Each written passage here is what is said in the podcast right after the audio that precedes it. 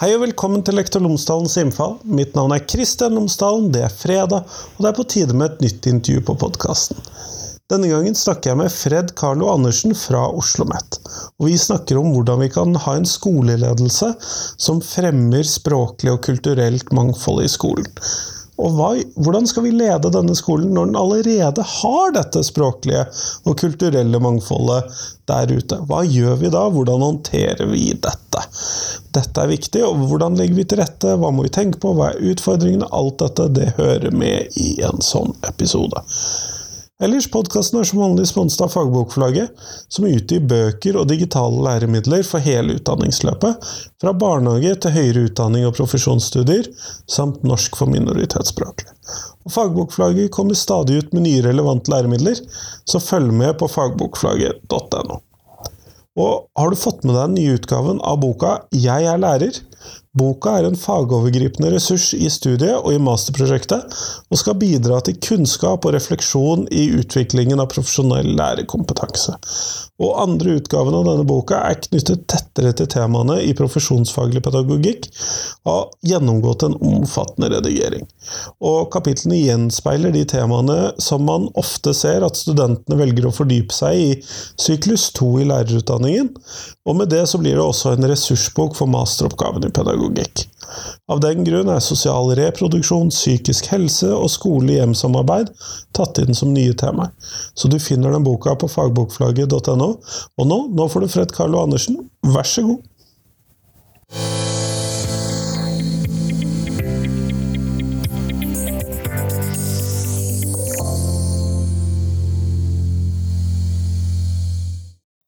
Fred Carlo Andersen, tusen takk for at du har tatt deg tid til meg i dag.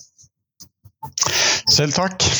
Før vi kommer sånn ordentlig i gang, så hadde jeg håpet at du kunne fortelle lytterne mine tre ting om deg selv, sånn at de kan få bli litt bedre kjent med deg. Ja, det kan jeg gjerne gjøre. Ehm, jeg, ble, jeg, ble, jeg, ble, jeg, gikk inn i skolen fra uh, å være en småfrustrert, uh, småfrustrert befal og offiser i militæret fra midten av 80-tallet og frem til slutten av 80-tallet. Og da, når ikke det var noe mer for meg å gjøre i militæret, så begynte jeg å studere statsvitenskap, historie og engelsk på Universitetet i Oslo. Og eh, det her var midt i perestrojka, glasnost glasnost og, og murens, Berlinmurens fall. Det var Golfkrig eh, 90-91. Det var krig i Kroatia og Bosnia. Eh, krav om innvandrerregnskap, som vi husker. Uh, og altså, midt i 90-åra, som, som, vi husker som et tiår, uh, da Norge begynte å bli perverst rik, som Thomas Illand Eriksen eh, peker på. Uh, så jeg um, har vært lærer siden midten av 90-tallet, og har fortsatt å være i skolen. Som både lærer, skoleleder, rektor, og da fra 2004 så starta jeg opp som universitetslektor på Universitetet i Oslo innenfor utdanningsledelse. Nå er jeg førsteamanuensis på Oslo Mitt og jobber med rektorutdanning og skolelederutdanning. Kjempeflott. Du, eh, vi skal i dag snakke om ledelse i skolen for det språklige og kulturelt mangfold. Og Ofte så hører man jo en formulering som at nå er Norge blitt mangfoldig, og nå er det så stort mangfold, eller vi er blitt et flerkulturelt samfunn, eller alle disse måtene vi formulerer dette på. Gjerne da koblet sammen med disse kravene om innvandrerregnskap og den type ting på eh, tidlig 90-tall, slutten av 80-tallet osv. Alle disse tingene møtes her. Men er det sant at Norge nå er blitt et eh, flerkulturelt og mangfoldig og etnisk og språklig og kulturelt mangfoldig samfunn? Det er jo ikke det. Vi, vi, vi, vi har jo Altså, det, det, jeg husker da jeg, ble, da jeg fikk eh, altså, tema for, for, for disputasen min Eh, den tok meg litt på senga, fordi da, eh, det handla jo om språklig kulturelt mangfold, det handla om ledelse. og altså, som problemstilling til disputasen min, så fikk jeg som utfordring å diskutere hvordan uh, norsk utdanningspolitikk overfor samene kunne, hvordan vi kan trekke veksler på de erfaringene vi har fra de samiske spørsmålene, og inn i det som handler om språklig kulturelt mangfold.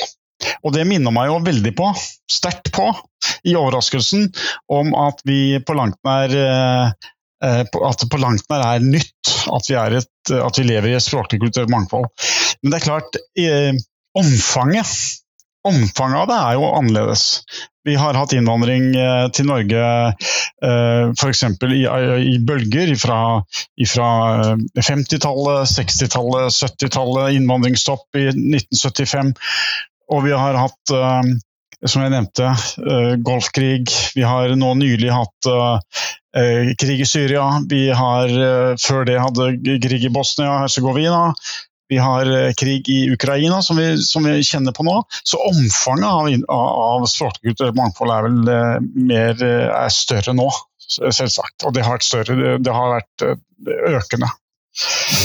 Hvordan eh, tenker du at dette påvirker jobben som Eventuelt, hvordan påvirker dette jobben vi i skolen? Hvordan skal vi forholde oss til dette? Eh, hvorfor, det, hvorfor er dette et eh, viktig ting å tenke på som rektor, som avdelingsleder, skoleleder osv.? Altså, så rektor, eller skole, altså særlig rektor, har jo et overordnet ansvar for det som foregår i skolen. Det som foregår på skolen sin. Og det er klart at uh, um, det er helt avgjørende at uh, rektor eller skolens ledelse hvis de skal opptre som et profesjonelt læringsfellesskap, som jo er en målsetting, så innebærer det at de er i nær kontakt med, med, med lærerne, med det pedagogiske arbeidet som foregår i klasserommet, og med de utfordringene og mulighetene som lærerne står i. Og hvis de skal være, hva skal jeg si, eh, likeverdige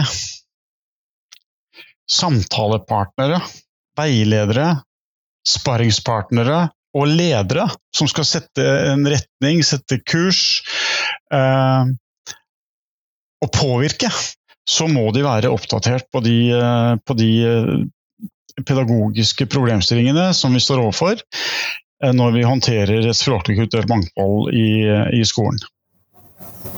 Og dette innebærer jo antagelig noen problemstillinger man ikke Særlig hvis man selv kommer fra en del av majoritetskulturen osv. som rektor. Jeg mistenker at de fleste rektorer gjør det, også i ganske overskuelig fremtid. Eh, så mistenker jeg jo at eh, dette mangfoldet skaper en del problemstillinger som man ikke har tenkt på før. Enten det er fremmede kulturelle praksiser, at man skal huske på samisk liv og levned, eller at det er nye religioner eller mindre kjente religioner som er en del av skolehverdagen. Hva var spørsmålet, Kristian? takk for at du begynner meg på det, for det kom veldig tidlig i den tiraden. Eh, men altså, det må jo skape noen utfordringer for en skoleleder eh, og for en skoleledelse som man ikke kanskje kjente til fra før av, eller tenker på, eller er bevisst i utgangspunktet. Ja, og i oppmerksomheten ligger kuren, som det heter. Altså, og, det, og, og, det, er klart at uh, En undersøkelse jeg gjorde for uh, noen år tilbake, fem-seks år siden, uh, så stilte jeg da spørsmål til skoleledere om altså skoleledere som hadde gått på rektorutdanningen, faktisk.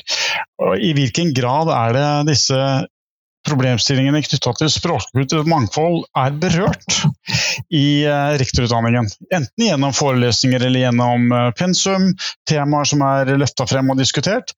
Og noen av de svara jeg fikk, eh, var f.eks. som følger Nå ble jeg helt satt ut. Det, de spørsmåla har jeg ikke tenkt på. Nei, det har vi ikke berørt i hele tatt. Nå bringer du meg ut på, på dypt vann. Altså sånne ting. Så det er klart at uh, jo, de, de, blir nok, uh, noen blir nok overraska.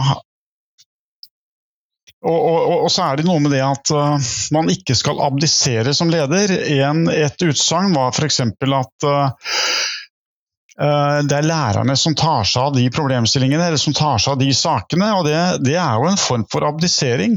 Og da er det ikke det Vivian Robinson, en kjent skoleforsker, leder, skolelederforsker, peker på, at skal, skal ledere, rektorer og skoleledere ha betydning for det som foregår i klasserommet og elevenes resultater, så innebærer det at de må lede skoleutvikling og, og det pedagogiske arbeidet. Være tett på den, den, den, praksisen som foregår i klasserommet. Og Da handler det om å være tett på, da handler det ikke om å overlate det til, til lærerne. Og så vet jeg jo samtidig at, og vi vet jo samtidig at både lærere og skoleledere er, og det merker jeg spesielt gjennom skolelederutdanninga på, på Oslo OsloMet og andre steder som jeg har vært innom, på NTNU i Trondheim bl.a., og Universitetet i Oslo, så, vi, så, ser vi jo den dedikasjonen som skoleledere har til jobben sin. De strekker seg veldig langt i å gjøre en god jobb og er samvittighetsfulle. Eh, men fortsatt så tenker jeg at vi har behov for å ha et eh, trykk og et, et, eh, en oppmerksomhet, større oppmerksomhet mot de utfordringene vi står overfor når det gjelder, og mulighetene som vi står overfor når det gjelder mangfold. Og jeg, jeg regner jo med at det er nødvendig at rektor har et visst fokus på dette, for du sier det at man abdiserer som rektor hvis ikke man gjør seg noen tanker om det og eh, fungerer som leder også i disse spørsmålene. Og man jo, har jo ansvaret som rektor og skoleleder for at man eh, følger opp lærerne, og eh, at man ivaretar f.eks. Det er jo noen opplæringslovsbestemmelser eh, som er knyttet til dette, og at de håndteres på riktig måte. Det, det, ligger en del ting her som er ganske tydelige lederroller, da, sånn i den praktiske hverdagen. Og da er jo spørsmålet eh, hvordan skal man som rektor eh, strategier for å møte dette, håndtere dette, sette seg inn i dette, være bevisst på dette? Eh, har du gjort deg noen tanker? Hvordan følger du opp dette hos disse rektorstudentene dine? Hvis vi, hvis, vi, hvis vi, ser på det som er gjort av av f.eks. evalueringer knytta til rektorutdanninga, som jeg har vært spesielt opptatt av de siste åra, så, så, handler det om å gå inn med noen briller. Altså, vi, trenger noen, vi trenger rett og slett noen uh, teoretiske perspektiver til å rett og slett uh, identifisere utfordringer og muligheter. Vi trenger begreper fra teoretiske perspektiver til å identifisere noe beskrive det vi identifiserer. Analysere det, for derigjennom å forstå det. Og, trenger, og, og det igjen gjør at vi faktisk er i stand til å handle. Altså teoretiske perspektiver med begreper til å identifisere, beskrive, analysere, forstå og handle. Og jeg har vært spesielt opptatt av å, å bringe frem eh, eh, kritiske perspektiver på, sko på, skoleledelse, noe som på mange måter har vært eh, eh underkommunisert og eh, ikke vært særlig fokusert eh, i, i, norsk skolelederutdanning. Og i norsk skolelederforskning generelt. Allerede, eller ganske tidlig, så, så peker både ja, som peker Jorunn Møller på, en av nest, nestoren i, i, norsk skolelederutdanning i Norge, peker på at uh, i likhet med f.eks. En analyse av skolelederopplæringen i England, peker hun på, så er studier basert på kritisk teori i stor grad marginalisert i den pensumlitteraturen som anvendes i Norge. Nå er det riktignok uh, uh, ti år siden hun sier det. Å utøve skoleledelse utover oppmerksomheten mot hva som funker så trenger vi også ulike tilnærminger til forskning og praksis. Og Det handler da også om eh, såkalte reflekterende tilnærminger og kritiske studier som tar for seg, tar for seg maktstrukturene. Og Det er det jeg har forsøkt å gjøre. Eh, og, og, og i, denne, i, i, denne, boka som jeg har skrevet som, handler, eh, som heter 'Ledelse for språklig og kulturelt mangfold i skolen', nettopp det å løfte fram de kritiske perspektivene. Jeg vil jo tro at dette for mange skoleledere kan oppfattes som eh, veldig eh, ukomfortabelt på mange måter. At dette kan være hva skal vi kalle det, noe som bringer folk godt ut av komfortsonen. Boka den har først og fremst eh, kommet til på bakgrunn av spørsmål knytta til hvordan skoleledere skal bidra til å legge til rette for utviklingen av en skole som gir nyankomne elever et likeverdig opplæringstilbud, og som forbereder alle elevene på et samfunn preget av språklig kulturelt mangfold. Eh, en annen sentral drivkraft for meg det har vært at eh, i likhet med skolelederopplæringen i England, så er anvendelsen av kritisk teori marginalisert i Norge. Kritisk teori gir oss, hevder jeg, i, i, i boka, eh, gode innganger til å fange opp hvordan maktstrukturer særlig kan virke hindrende for nyankomne muligheter for å lykkes i opplæringa. Og Der har jeg lent meg til eh, eh, amerikansk forskning og særlig da eh, Caroline Shields, som innenfor skolelederforskningen har utvikla et transformativt perspektiv på ledelse, som, som, nettopp utfordrer organisasjonsstrukturer og dominerende oppfatninger, verdier og antakelser, som som i sin tur kommer til uttrykk i form av likeverdige og inkluderende betingelser for elevers læring. Eh, de mer, si, de mer, tradisjonelle perspektivene på skoleledelse, som f.eks. transformasjonsledelse, distribuert ledelse, er nødvendige, men ikke tilstrekkelige. Derfor er transformativ perspektiv, på ledelse, som boka bygger på, et viktig supplement som gjennom eh, åtte prinsipper for ledelse begynner med spørsmål nettopp om rettferdighet og likeverdig inkludering, eller om, og likeverd.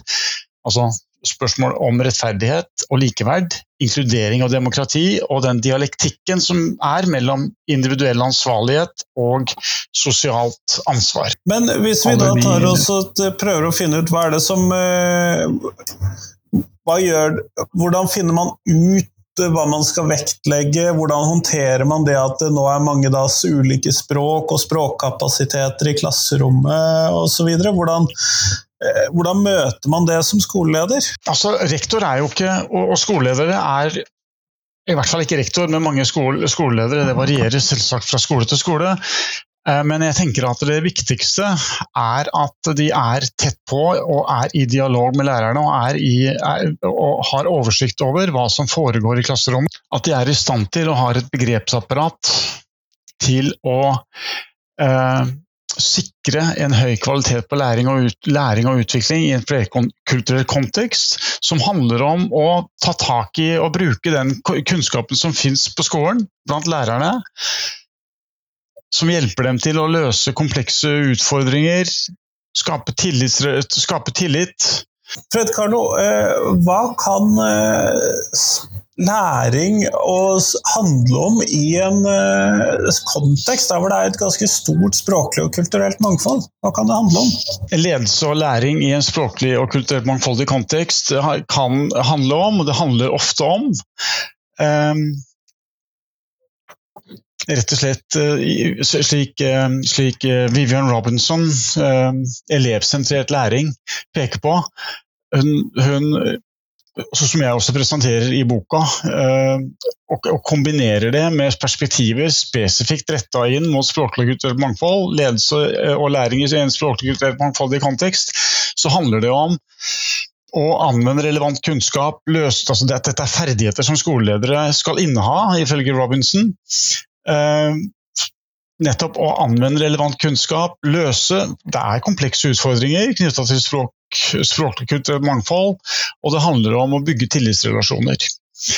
Um, hvis, hvis, det er sånn som Robinson peker på, at uh, det er viktig for, uh, for ledelse, ledelsen å etablere mål og forventninger, bruke, bruke ressursene fornuftig, sikre kvaliteten på den undervisninga som foregår, det å lede lærernes, og, og, og lærernes læring og utvikling, det å sikre et velordna og trygt skolemiljø for å få høy kvalitet på læring og, og utvikling i en flerkulturell kontekst, så handler det om mange ting. Det handler eh, bl.a. om å være i dialog om hvordan vi integrerer mangfoldet i, i skolen. Altså hvordan vi tar høyde for at det er et mangfold, at det er elever med forskjellige språk. Eh, at vi sikrer oss en likeverdig opplæring, at det er en myndiggjørende skolekultur, at det får betydning. At, at skolen gjenspeiler at det er, flere, at det er elever med, et, et med en språklig kultur, mangfoldig bakgrunn. Eh, at man eh, som skoleleder er, har fokus på å motarbeide fordommer, sikre en profesjonsutvikling, en profesjonell utvikling. Um, fokusere på frigjøring, demokrati, likeverd og rettferdighet. Det som handler om å dekonstruere og rekonstruere betingelser for kunnskap som opprettholder ulikhet og urettferdig praksis. Blant annet. Blant annet. Og her er, du inne på noe annet, eh, her er det jo mye viktig, men eh, dette med å motarbeide fordommer. Og så handler det jo kanskje også om å motarbeide eh, marginalisering for noen grupper inn i dette? Når, når man f.eks.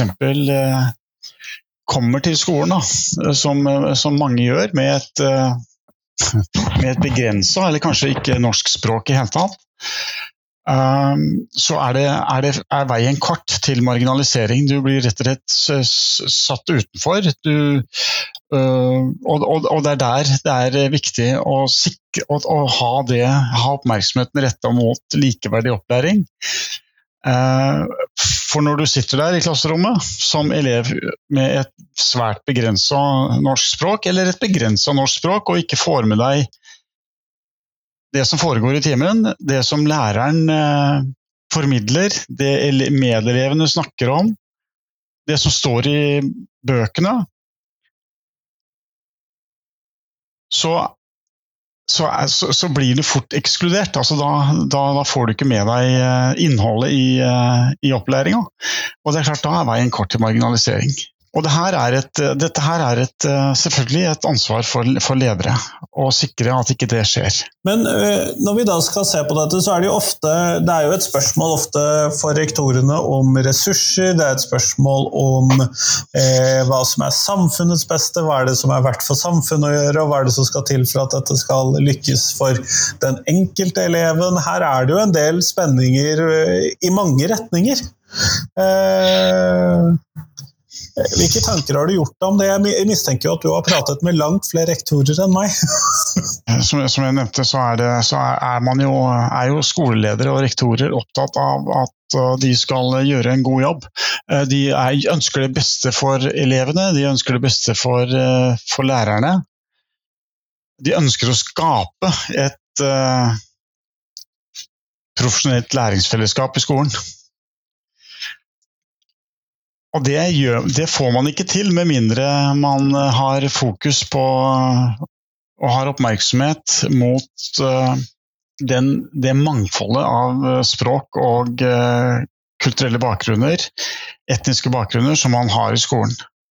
Det jeg har vært opptatt av, det er Jeg er litt redd for å være for kritisk, fordi det, dette her med ubehaget, det å føle på blaming and shaming, det er jo sånn, det er ganske sårbart. Det, Skoleledere er sårbare. Eh, de har store forventninger retta mot seg. De har store forventninger fra, sko fra skoleeier, fra, altså fra overordna myndighet. De har eh, store forventninger eh, fra lærere. De har store forventninger fra foreldre og elever, kanskje spesielt foreldre. Det ser vi mer og mer. Og de er i sin fulle rett, foreldre, til å forvente Eh, god opplæring til barna sine, selvfølgelig. Sånn at er, skoleledere står i et krysspress. Og det å stadig, det å stadig uh, Når jeg da kommer med mine perspektiver, som er uh, spesielt utvikla fra kritisk teori, så er det klart at du kjenner lett på Hvis ikke du har vært inni de svingene, som jeg kaller det, knytta til språklig kulturelt mangfold og ledelse av språklig kulturelt mangfold i skoler tidligere, i særlig grad, så er det klart du kjenner fort på, på den, eh, det ubehaget og den usikkerheten, og, den, og, kanskje også den dårlige samvittigheten Så, så, så, så, skoleledere er sårbare i den sammenhengen også. Det finnes veldig mange lærere som, som er spesielt opptatt av språklig mangfold, som gjør en fantastisk jobb. Eh, og som kanskje har gjort at mange skoleledere faktisk eh, har eh, kunnet la de få lov til å, å, å, blomstre og gjøre en god jobb i klasserommet og, med, med elevene. Samtidig så blir det en slags sovepute, og det, det, er, jo, det er, jo, det er uheldig. Sånn at eh, det, er viktig at, eh, at, skoleledere også er, altså er, opptatt av hele skolen, også de problemstillingene som er knytta til språklig kulturelt mangfold. Og, og jeg kan jo forstå den eh, ønsket om å ikke være så kritisk til det, fordi at det er en vanskelig situasjon man sitter i. Eh, samtidig så kan det jo da fungere som Eller eh, likevel være viktig å minne om da bevisstheten knyttet til dette mangfoldet som har vært der lenge, men som nå er forsterket. Altså at det er viktigere det enn å være kritisk. Det er noe med det også ikke nødvendigvis kritisere, men altså være kritisk i betydningen uh, Uh, det å balansere, rett og slett. Være kritisk, men samtidig peke, på, peke på potensialet for, for, bedring. Altså innta et kritisk ståsted, samtidig peke på det potensialet som ligger der for bedring. Det har jeg vært opptatt av. og det er klart uh, Et kritisk perspektiv på ledelse som jeg fremmer her, og som, som jeg har gjort uh, i, denne boka, og som første gang ble gjort Det er to doktorgrader i, så langt jeg vet i Norge som har hatt fokus på språkkulturelt mangfold ut fra et uh, kritisk teoretisk ståsted, og det er uh, Gunn Vedøy uh, i Bergen og meg. Og vi, vi har begge utgangspunkt, tatt utgangspunkt i et kritisk perspektiv på ledelse. Eller kritisk teori. Og det er klart, og det er ikke, det er ikke mange som, er, som, som Eh, som, er, eh, som har inntatt den, den, eh, det ståstedet. Og det er klart, når, når, når, jeg da kommer trekkende med la oss bruke det uttrykket, med et kritisk perspektiv på ledelse, så, så er det, eller ledelse utleda fra kritisk teori, så er det klart at uh, man kan kjenne på det ubehaget og kjenne på den usikkerheten. Uh, fordi, uh, og, og, da er det viktig å balansere denne, denne, dette, dette, kritiske perspektivet, samtidig å peke på potensialet for bedring. Kjempeflott, Fred Carlo. Eh, I slutten av samtalene mine så stiller jeg et, intervju, et, spørsmål som jeg stiller til alle jeg intervjuer, og det er hvilken lærer har gjort størst inntrykk på deg, og hvorfor det? Ja Jeg, jeg har også jobba med, med PPU. Um, og da brukte jeg alltid å si at uh, dere er i ferd med å utdanne, utdanne dere til verdens viktigste yrke, og det er læreryrket. Og jeg tenker at uh, fra videregående altså Jeg kunne peke på mange lærere som er gode. Uh, jeg tror at uh, en lærer fra videregående skole satte har satt størst spor i meg på, fra 80-tallet, hvor vi hadde en diskusjon om, om innvandrere og nordmenn. Og hvem som skulle få førsteretten til en jobb. Når de, like, når de, hadde like kvalifikasjoner. Og da var det unge herr Andersen rakk handa raskt opp og sa at det mente han på var selvfølgelig at det var nordmann som skulle få uh, den jobben fremfor en innvandrer, selv om de hadde samme kompetanse. Og da gjorde læreren, eh, stilte læreren ett spørsmål. Og det var hvorfor? Hvorfor det, var Fred? Og jeg hadde selvsagt ikke noe godt, godt svar. Men det var nok det første, det første, skrittet i retning av å gjøre det jeg gjør nå, og være så opptatt av de problemstillingene som jeg er. Eh, det starta nok i, i, 1982 med en lærer i videregående skole som for øvrig heter Bjørg Berg Jensen. Ja, jeg husker navnet også, faktisk. Kjempeflott. Tusen takk for at du tok deg tid til meg i dag. I like måte.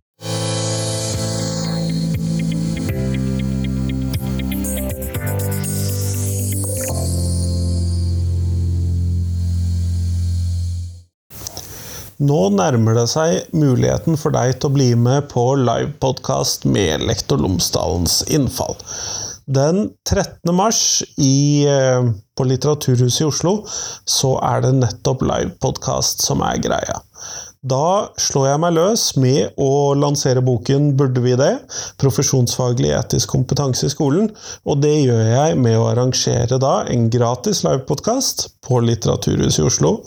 Du får da møte Sara Eline Eide, Håvard Søberg og Kristine Lilletun Norheim, eh, som fra hver sine vinkler så skal vi ta for oss hvordan vi kan gjøre skolen til et godt sted å være og et godt sted å lære for alle elevene.